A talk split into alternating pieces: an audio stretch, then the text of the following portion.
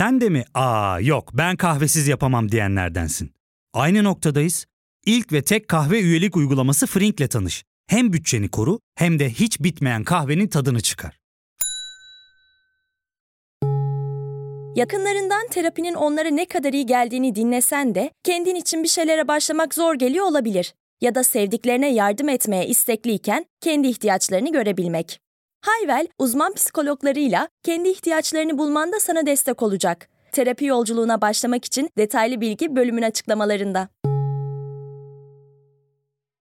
Haziran ayını geride bırakıyoruz. Fakat birçoğumuz için Haziran ayının son haftası günlerce hatta aylarca bekleniyor, uğruna hazırlıklar yapılıyor ve öylece geçip gitmiyor. Toplumumuzun en ağır tecritine uğrayan fakat bu tecriti suçları nedeniyle değil, varoluş özelliklerinden dolayı yaşayanların yani LGBTİ artı topluluğunun Onur Haftası'nın içinden geçiyoruz. Trend Topik'in bu bölümünün konusu Onur Haftası olacak. Sadece 2022 Onur Haftası'nda neler yaşandığını konuşmayacağız. Yeni başlayanlar için nereden çıktı bu Onur Haftası sorusunu da cevaplayacağız. LGBTİ hareketini masaya yatıracağız. Ben Ozan Gündoğdu hazırsanız başlayalım.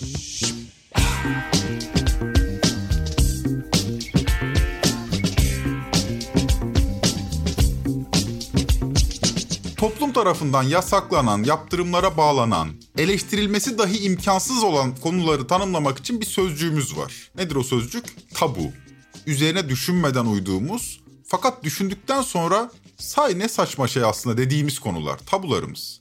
Tabularımızın listesini yapsak en başa yazılacak bir konuya giriyoruz. Cinsel yönelim.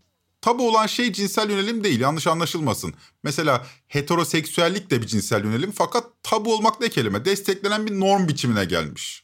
Tabu olan heteroseksüellik dışındaki cinsel yönelimler. Nedir onlar? Liste şöyle. Lezbiyen, gay, biseksüel, transseksüel. Baş harfleriyle anarsak LGBT. Son yıllarda liste biraz daha kapsayıcı hale getirildi ve LGBT'nin sonuna intersex ve queer sözcüklerinin baş harfleri de eklendi biraz daha kapsayıcı hale getirmek için sonuna bir de artı işareti eklendi. Yeniden okuyalım. LGBTIQ artı.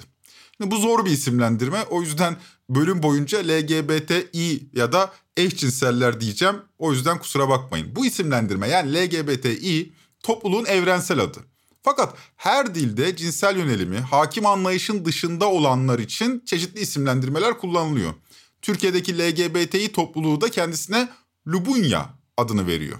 Bin yıllardır insanlığın var olduğu günden bu yana varlar. Tarihsel metinlerde onlardan sıkça bahsedildiğini görüyoruz. İnsanlığın bu zamana kadar kurduğu medeniyetlerin bir kısmında son derece sıradan karşılanmışlar. Bir kısmında ise toplumdan sert şekilde dışlanmış, tecrit edilmişler. Fakat 20. yüzyıla gelindiğinde hak mücadelesi başlığı altında artık bir LGBTİ hareketinden bahseder hale gelmişiz. Sadece ulusal ölçekte değil, küresel ölçekte bir hareketten bahsediyoruz. Hatta o kadar ki Haziran ayının son haftası da Onur Haftası olarak kutlanıyor. İyi ama eskiden yoktu. Nereden bu çıktı bu Onur Haftası diyenler için gelin bugün Türkiye'de sert yasaklara muhatap olan Onur Haftası'nın tarihine mini bir yolculuk yapalım. Şimdi ben Onur Haftası diyorum ama aslında haftadan önce bir günden ve o güne adını veren bir yürüyüşten bahsediyoruz. Onur Yürüyüşü ya da İngilizce ifadesiyle Pride.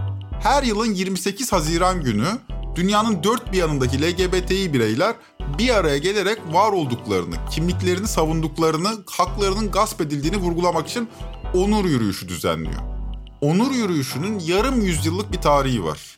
Bunun için kadrajımızı ilkin Amerika'ya döndürmemiz gerekiyor. New York'a.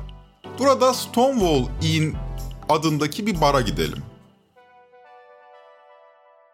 Takvim yaprakları 28 Haziran 1969'u gösteriyor. 14 yılını geride bırakan Vietnam Savaşı gençlik kesimlerinde artık öfkeyle karşılanıyor. Hemen hepsi 2. Dünya Savaşı'ndan sonra doğan, bugünlerde adına Baby Boomer kuşağı denilen 20'li yaşlarındaki genç insanlar dünyanın her yerinde ebeveynleriyle çatışma halindeler. Ebeveynlerin tabu olarak gördüğü tüm konular 60'lı yılların sonunda genç kesimler tarafından sorgulanmaya başlamış. İkinci Dünya Savaşı'nı çıkaran üst kuşağı inat her türlü savaşa karşılar. Sadece Amerika'da değil, dünyanın her yanında büyük bir fenomene dönüşmüş durumdalar. 68 kuşağı olarak anılıyorlar.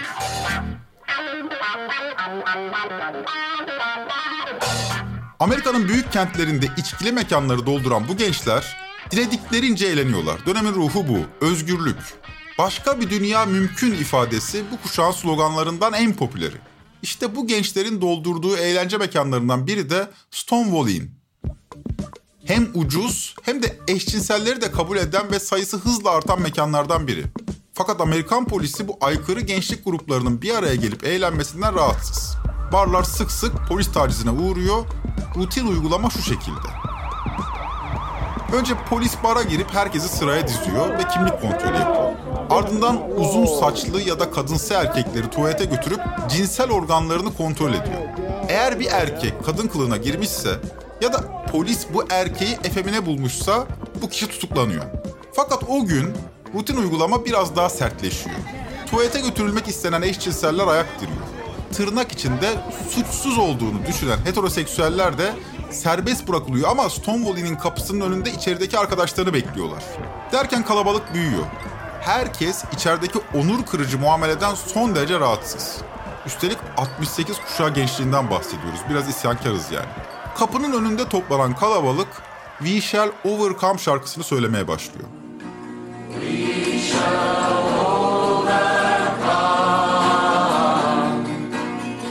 şarkı dönemin gençlik kuşağının marşı gibi. We Shall Overcome. Türkçe anlamıyla üstesinden geleceğiz. Kalbimin derinliklerinde hissediyorum. Bir gün üstesinden geleceğiz. Bu kuşakla bugünlerde boomer diye dalga geçilmesini ben içime sindiremeyenlerdenim. Neyse konumuza geri dönelim. Stonewall Inn'in önünde bekleyen kalabalık an be an artmaya başlıyor. İçeridekilere dayak atıldığının duyulmasıyla birlikte mekana çöp tenekeleri, tuğlalar, şişeler fırlatılmaya başlıyor.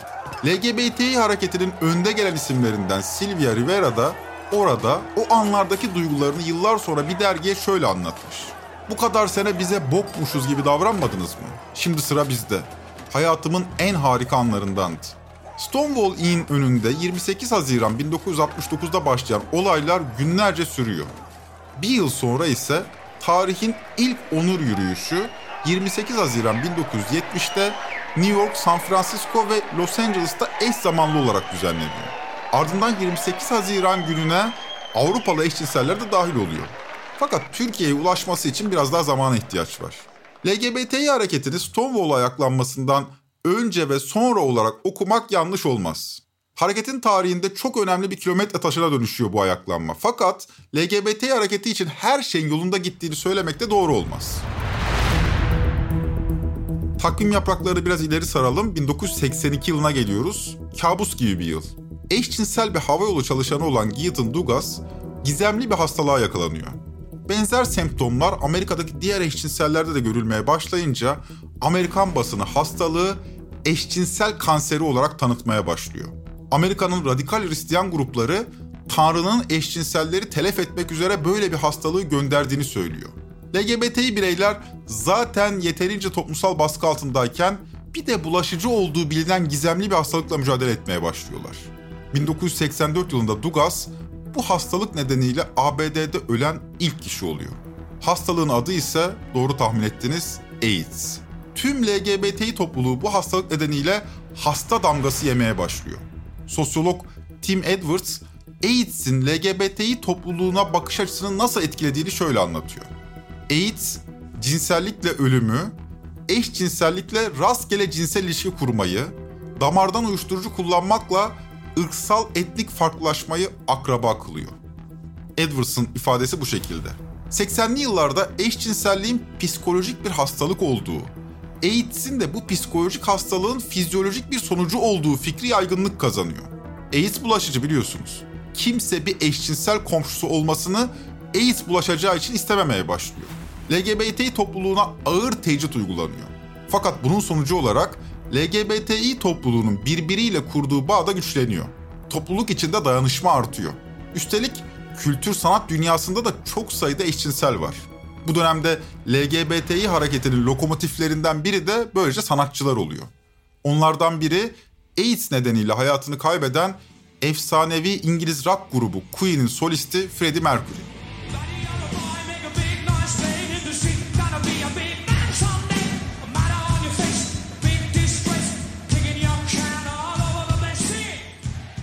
Elbette onlarca kırılma yaşanıyor LGBT hareketinin tarihinde ama 60'ların sonundaki Stonewall ayaklanması ve genel olarak 80'lere damga vuran AIDS krizi hareketin bugününü etkileyen önemli dinamikler.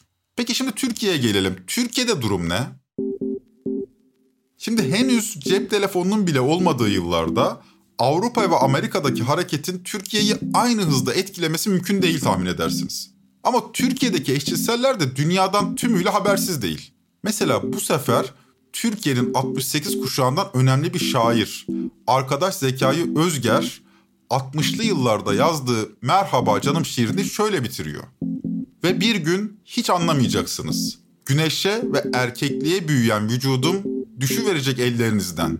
Ellerinizden ve bir gün elbette Zeki Müren'i seveceksiniz. Zeki Müren'i seviniz. Arkadaş Zekai Özger aynı zamanda Türkiye Devrimci Gençlik Hareketi'nin de bir parçasıdır ve maalesef 1973 yılında henüz 25 yaşında bir polis baskınında başına aldığı darbeler sonucu hayata gözlerini yumar. Eşcinseldir arkadaş Zekai Özger. Ondan geriye bugün LGBTİ hareketini sıkça kullandığı Zeki Müren'i Seviniz şiiri kalır. Zeki Müren, sadece Türkiye'nin değil, Türkiye LGBTİ topluluğunun da paşasıdır o. Ona her şey serbesttir. Bu zorlu coğrafyada öyle bir özgürlük alanı yaratabilmiştir kendisine. Hem LGBTİ topluluğu Zeki Müren'i hem de Zeki Müren LGBTİ topluluğunu bağrına basar. Hikayemize 1969 yılında New York'ta Stonewall Inn'de başladık. Oradan İstanbul Talimhane'ye gidelim.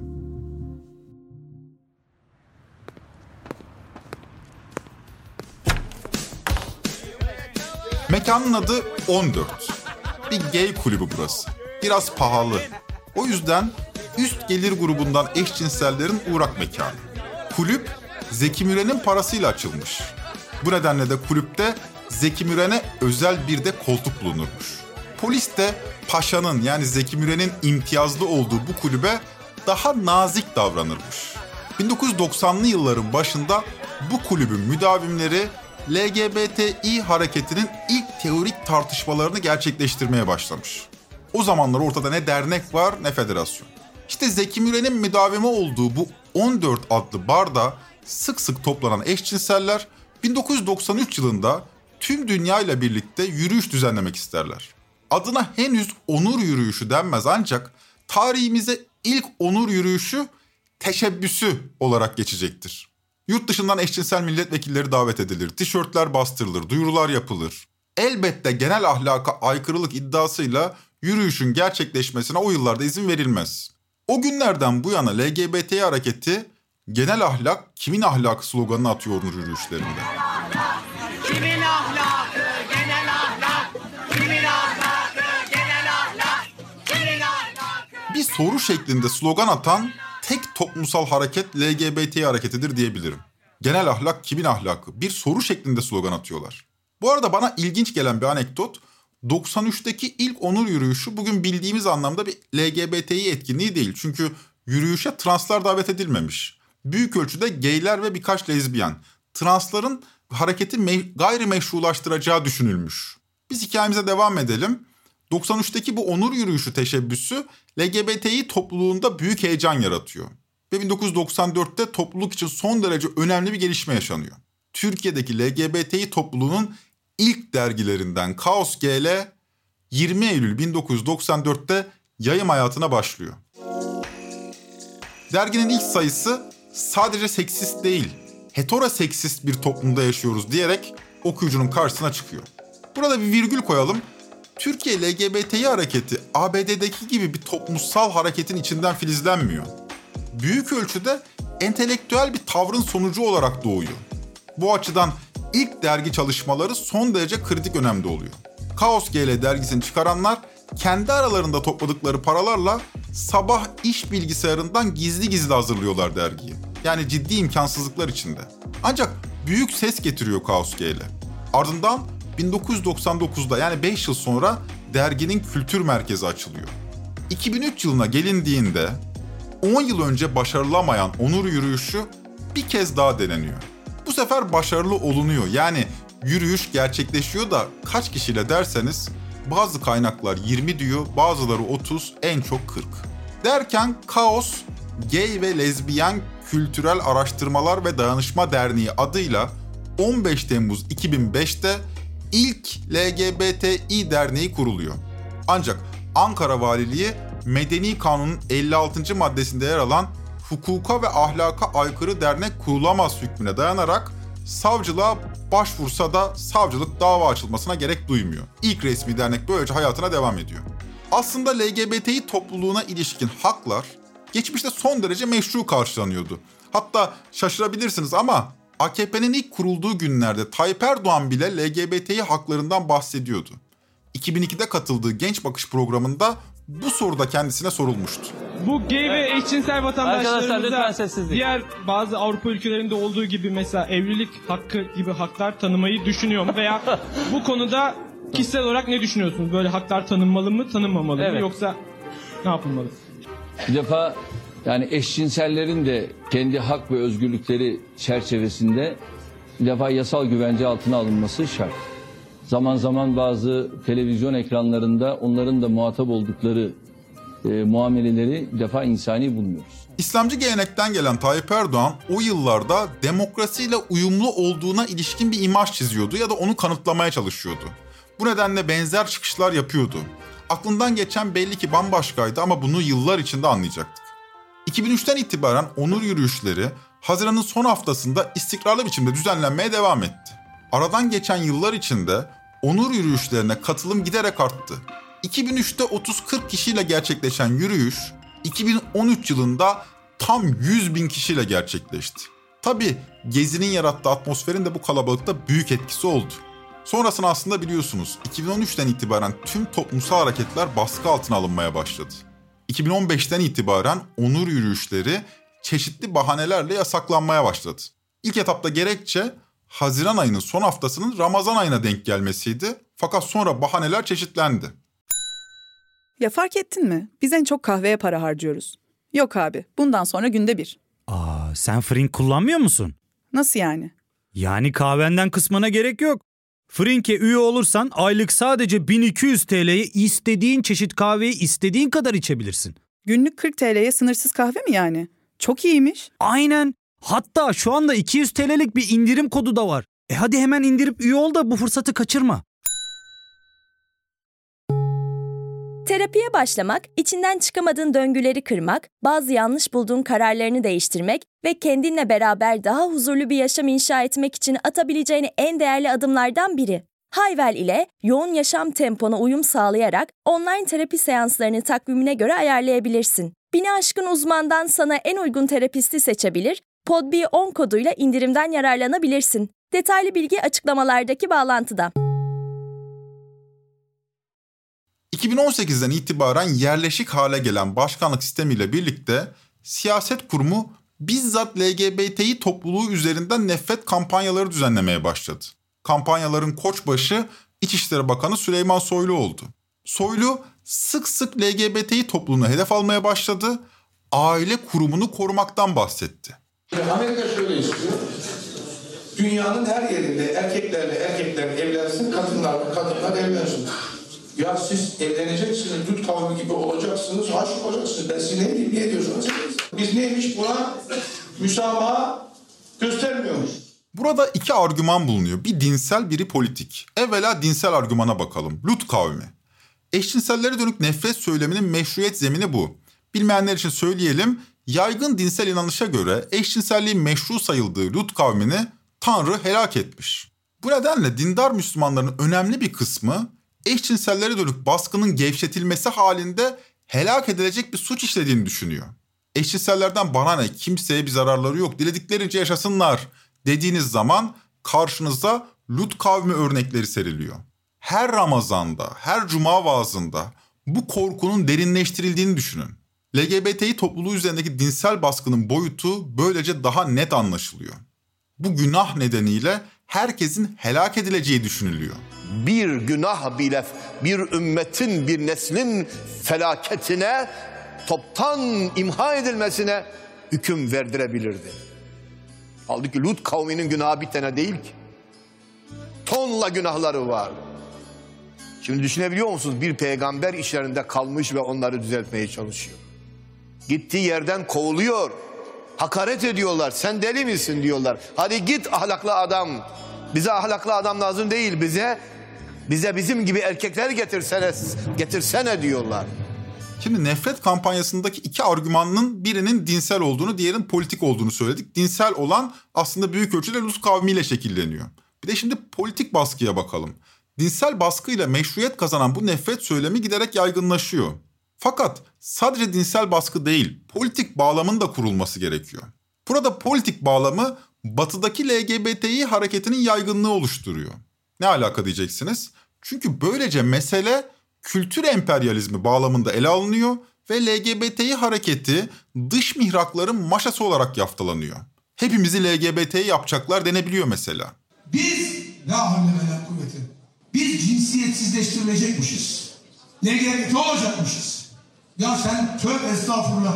Çok istiyorsan kendi yakınlarından ve kendi ailenden başlıyor ya. Şimdi bunu size anlatmak bence utanç verici ama bir insan bir insana özenerek LGBT'yi olmaz. Bunu Süleyman Soylu da biliyor olabilir ya da biliyor da bunu dile getirmek istemiyor. LGBT toplumuna dönük dinsel ve politik baskı arttıkça topluluk sahipsiz kalıyor. Yani savunanların sayısı giderek azalıyor. Cesaret edilemediğinden. Zira seçim ikliminde her siyasi hareketin %50'den bir fazla oy almak için yarıştığı bu ortamda kimse azınlık konumundaki LGBTİ topluluğuna sahip çıkmaya cesaret edemiyor. Sahip çıkan politikacılar da basın veya medya tarafından hedef gösteriliyor. Böylece onur yürüyüşleri 2015'ten itibaren türlü bahanelerle yasaklanmaya başlıyor. 18 Haziran'da Medyaskop'a konuşan LGBTİ hareketinden Es Yılmaz bu bahane bulma işine ilişkin şöyle konuşmuş. Dün İstanbul Üniversitesi'ndeki piknik de öyleydi mesela. Şeyi düşündüm. Hakikaten Çanakkale'deki geçen birkaç gün önceki Pride'ı da engellediler ve her sene iki yıl önce bize dediler ki Ramazan'dı. Sonra dediler ki işte genel kamu ahlakı. Çanakkale için diyorlar ki burası bir şey şehri. İstanbul Üniversitesi için diyorlar ki kampüslerimizde her şey için bir kulp bulmaya çalışıyorlar. Onlar için de zor oluyordur diye düşünüyorum her seferinde ayrı bir kulp bahane üretiyor olmak. Çünkü... İyi de eskiden böyle bir derdimiz yoktu. Nereden çıktı bu onur yürüyüşü diye soranlar için küçük bir özet yapmaya çalıştık bu bölümde. Fakat bir de kültür emperyalizmi bağlamı var. Yani dinsel baskıya destek vermemekle birlikte hareketin batıdaki yaygınlığı üzerinden emperyalizmin oyunu bunlar diyerek hareketi geçiştirenler var. Batıdaki LGBTİ topluluğu son yıllarda çok hızlı biçimde meşruiyet kazandı doğru. Dikkat çekici bir durum bu hatta. Bu haliyle Batı ile Türkiye arasındaki makas giderek açılıyor. Peki batıdaki bu rüzgarın bir adı var mı? Evet var. Üçüncü dalga feminizm deniyor buna. Bu kavramı ilk kez kullanan Mississippi doğumlu biseksüel ve siyah bir kadın olan Rebecca Walker. 1992'de yazdığı makalede feminizmi 3 dalgaya ayırıyor Walker. Buna göre birinci dalga 1792'de Mary Wollstonecraft'ın Kadın Haklarının Savunulması adlı eserinin yayınlanmasıyla başladı. Birinci dalga feministlerin temel politika noktası kadınların erkekler kadar insan olduğunu vurgulamak, mülk gibi muamele görmemesi gerektiğini söylemekti. Birçok ülkede kadınlar mal mülk edinemiyor, çalışamıyor, oy kullanamıyordu. Birinci dalga feministler 20. yüzyılın ilk yarısına kadar bu hakları için mücadele etti. İkinci Dünya Savaşı'ndan sonra ise ikinci dalga feminist hareketten bahsediliyor. Bu haliyle ikinci dalga feministler toplumsal cinsiyet kavramını ortaya attı. Toplumsal hayatta kadına biçilen ikincil rollere karşı direnişe dönüştü ikinci dalga feminizm. Fakat Rebecca Walker diyor ki, üçüncü dalga feminizm eşcinselleri ve beyaz olmayan kadınları da kapsamaya çalışmaktadır. 1990'ların sonunda yükselen üçüncü dalga feminist hareket 2000'lerin sonunda tüm dünyaya damga vurdu. Burada 2000'li yıllarda gelişen pek çok faktör de etkili tabii. İnternet, sosyal medya, bununla beraber ortaya çıkan Me Too hareketi vesaire. Böylece Türkiye'de de yükselen kadın hareketiyle LGBTİ topluluğu arasındaki mesafe kısaldı. Düşünün 1993'te transların bile katılamadığı onur yürüyüşünden bugünlere geldik. Bu üçüncü dalga feminizme ilişkin kadın hareketi içinde de teorik tartışmalar dönüyor bu arada. Ben heteroseksüel bir erkek olarak bu tartışmaya girebilecek konumda değilim. Fakat şunu söylemekle yetinelim. Bu tartışmaların kökleri 1970'lere kadar uzanıyor. Kadın hareketi içinde LGBT'lerin yeri nedir sorusu yeni gibi görünen eski bir mesele yani. Fakat hem kadın hem de LGBT hareketinin bugünlerde ortak bir talebi var. O da İstanbul Sözleşmesi'nin yeniden imzalanması. Sözleşmeden çıkılmasına ilişkin dava Danıştay'da sürüyor. Bir hafta önce İzmir Baro Başkan Yardımcısı Avukat Perihan Çağrışım Kayadelen'in Danıştay'daki savunmasına bir kulak verelim. Sormak istiyorum. Nedir bu aile kavramı, kutsal aile kavramı? Nedir bu ahlak kavramı? Mesela Hande Kader 23 yaşında trans bir kadındı. Yakılarak öldürüldü. Yakılarak. Cesedi ormanda bulundu. Failleri hala bulunmadı. Hande Buse Şeker ve arkadaşı Nil fail polis tarafından önce kurşunlandı. Sonra yaralı halde cinsel saldırıya maruz kaldılar. En son Hande Buse'yi öldüren fail ölü bedenine tekrar tecavüz etti. İki sokakta birer saat arayla sanık önce iki trans kadınla birlikte oldu. Sonra 30'dan fazla bıçak darbesiyle her ikisini de yaraladı. Hayatta kalmayı başaran kadınlar ağır travma altındalar. Şimdi başta sorduğum soruyu tekrar sormak istiyorum. Nedir ahlak? Bir trans kadını yakarak öldüren kişilerin sokakta gezmesi mi ahlak? Ölü bedene tecavüz etmek ya da 30 yerinden bir insanı bıçaklamak mı ahlak? LGBT artı bireyleri toplumun her alanından dışlayıp onları seks işçiliğine mahkum edip sonrasında da ücret pazarlığında öldürüp Yok benim erkekliğime laf etti o yüzden öldürdüm demek ne ahlak mesela. Peki kutsal aileye gelelim. Nasıl, nerede bu kutsal aile? Mesela Pınar öldüğünde çocuğu 7 yaşındaydı. Şu an 17 yaşında. Peki Pınar'ın annesiz büyüyen çocuğun ailesi yok muydu? Ferdane'nin, Fethiye'nin, Gültekin'in, Emine Bulut'un ailesi kutsal değil miydi ya? Emine kızının gözünün önünde ölmek istemiyorum diye öldürüldü. O biricik kızın ailesi kutsal değil miydi? Asıl olan, kutsal olan yaşam hakkıdır, yaşatmaktır kutsal olan. Ahlaksız olansa yurttaşları nefret söylemleriyle ötekileştirip ölümlerine sebebiyet vermektir. Kutsal olan yaşam hakkıdır diyor avukat Kayadelen. Çünkü hemen her gün LGBTİ bireyler yaşamla ölüm arasında bir hayat kuruyor kendilerine. Nefret cinayetlerinin bir numaralı hedefi halindeler. Feminist hareket ile LGBTİ hareket arasındaki ilişkiye şu yüzden değindim. LGBTİ topluluğu her yıl belli kategorilerde alaycı bir ödül dağıtıyor. Ödülün adı hormonlu domates. Adına ödül diyorlar ama aslında LGBTİ topluluğunun öfkesini kazanan kişilere veya kurumlara veriliyor bu ödüller. Bu seneki hormonlu domates ödüllerine çok sayıda feminist de aday gösterildi. Bu 1-2 yıldır, 2-3 yıldır ya da gördüğümüz bir fenomen. Yani bir nevi aslında bir rekabet ya da rekabet demeyelim de teorik zeminde de olsa bir çatışma yaşanıyor. Mesela 8 Mart yürüyüşüne erkeklerin gelmemesini savunan Kadınız Öfkeliyiz grubu hormonlu domatese aday gösterildi. Tartışma büyük ölçüde dar bir çevrede ve teorik düzeyde de olsa son derece çetin ilerliyor. Hormonlu domatesin All Star adayları ise 3 tane. Harry Potter'ın yazarı J.K. Rowling, Yeni Akit Gazetesi ve Süleyman Soylu. Bana kalırsa kazanan açık ara farkla Süleyman Soylu olacaktır diyelim ve gelelim bugüne. Bu yıl 30.sü düzenlenen 2022 Onur Haftası'na. Onur Haftası komitesi bu yılın temasını direniş olarak duyurdu. Direniş teması Onur Haftası için ilk kez seçilmiyor. 2013'te Gezi direnişinin hemen ardından gerçekleşen Onur Haftası'nın da teması yine direnişti. Bu yılki temanın yine direniş olmasının nedeni de burada yatıyor. Onur Haftası komitesi temaya dair yaptıkları açıklamada Kavala ve Gezi davasının mahkum edilmesi ve Gezi direnişine karşı yürütülen karalama kampanyaları nedeniyle yine direniş temasını sahiplenmeye karar verdi. Elbette bu temanın seçilmesinde onur yürüyüşlerinin 2015'ten beri yasaklar ve polis baskısına uğramasının da payı büyük. 26 Haziran yani yarın onur yürüyüşünün gerçekleşmesi planlanıyor. Yürüyüşün yasaklanacağı, polis şiddetinin görüleceği kimse için zor olmayan bir tahmin. Beyoğlu ve Kadıköy kaymakamlıkları Onur Haftası şemsiyesinde düzenlenen paneller ve kapalı mekan etkinliklerine bile yasak getirdi. Kapalı mekan etkinlikleri de yasaklandı. Geçen seneki yasağın ardından eylemcilerden birinin polise haykırışı o dönem viral olmuştu. Hatırlatarak devam edelim. Ben yürüyemez? Açılım geçelim. Ben ülkemde niye yürüyemiyorum? Niye niye? Hiçbirinize kötü bir şey yapmıyorum. Niye bu? Ülkemin toprağında yürüyemiyorum ya. Niye? Çok basit bir şey ya. Şuradan çıkıp bizim yürümemiz çok basit bir şey. Hiçbirimize zarar vermiyoruz. Kimseden bir şey istemiyoruz. Kimse bir şey yapmıyoruz. Neden? Sadece bu mu? Bunun için mi? Verileceğim ya ben aklım almıyor. Söylenecek çok şey var. Fakat artık finale gelelim. LGBT topluluğu ne istiyor? Son derece basit bir talepleri var. Yaşamak istiyorlar. Cinsel yönelimlerini gizlemeden yaşamak. Onları yalnızca İstanbul'un lüks semtlerinde göreceğini zannedenler fena halde yanılıyorlar. Onlar her yerdeler. Köydeler, kasabadalar, komşumuz, akrabamız onlar.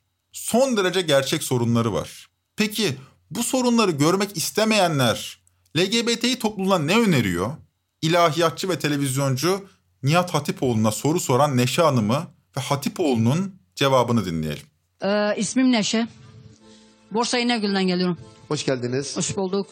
Doğuşta bayan olarak gelmişim hocam. Evet. Ama doğuşta erkek şimdi kendimi görüyorum da bunu nasıl yapmam, nasıl yapacağım ya? Erkek hissediyorum yani. Bunun tedavisi var mı ya da bir şey? Tedavisi var tabii. Şimdi şöyle. Doğuşta yani doğuştan hanımefendi iseniz, kadın olarak yaratılmışsanız bunu kendiniz zaten biliyorsunuz. Bir jinekoloğa göründüğünüzde kadın doktor size evet sen kadınsın. Evet ama bayanlardan hoşlanıyorum hocam. E bir saniye. Ee, bunu söylediğinde beni dinleyin siz. Siz kadın olmuş oluyorsunuz. Tamam hanımefendi. Kadınsınız. Bundan sonraki e, aşama e, sizin o cümlenizden dolayı sizi kınamıyoruz. Biz sizi anlıyoruz tabii ki. Sizi anlıyoruz. Ama bu psikolojik bir olaydır. Bundan sonraki dönem kendinizi buna karşı daha disiplinli tutmanız ve duygularınıza hakim olmanız gerekir. Bazı duygular insana rağmen gelişebilir. Bazı duygular bir imtihan gereği olabilir. Onları aşarsa insan Allah'ın katında çok daha kıymetli, değerli, Allah katında sevabı bol olan bir insan olabilir. Bu senin bir imtihanın da olabilir hanım kızım. Bu senin imtihanın da olabilir. Onun için mücadele etmen gerekir. Nefsine değil, inancına ve aklına teslim olman daha doğru olur. Bu nedenle de ver, ver, sor- soracak bir şey varsa sorabilir. Problem yok. Ama hocam öyle bir şey var. Şimdi biri bana bayan diyor da zoruma gidiyor ya. Neden ama? Biri bana şimdi bayan derken çok zoruma gidiyor. O Anladım. da bir. Anladım. Ama sen evet çok ilgim ama var sen bayanlara. erkek değilsin. e, kadınsın yani netice itibariyle. Sana bayan diyen sana saygı duyduğu için söylüyor. Hanım görüntünüzden dolayı hanım olarak yaratılmış yaratılmış olmanızdan dolayı. Size dua edeceğiz inşallah. Teşekkürler Hocam Allah razı olsun. Peki hürmetler sunuyorum. Allah'a emanet olun. Arkadaşlar bu tür sorular da olacak. Neticede hepimiz bu toplumun bir parçasıyız. Her türlü insanımız olabilir. Biz hepsini anlayışla karşılayacağız. Doğru olanı söyleyeceğiz. LGBTİ topluluğunun sorunlarını görmeyenler onlara ne cevap verecekler diye sormuştuk. LGBTİ topluluğuna cevap bu mu olacak sahiden? Yaşadıklarına, hissettiklerine psikolojik bir sorun bu cevabını verip nefsine hakim ol diyerek geçecek miyiz? Sadede gelelim. Tüm LGBTİ topluluğunun onur haftasını kutlarım. Podbi Medya ile beraber hazırladığımız Trend Topik'in sonuna geldik. Bir sonraki bölüme kadar kimliğinizde gurur duyabildiğiniz günler dilerim.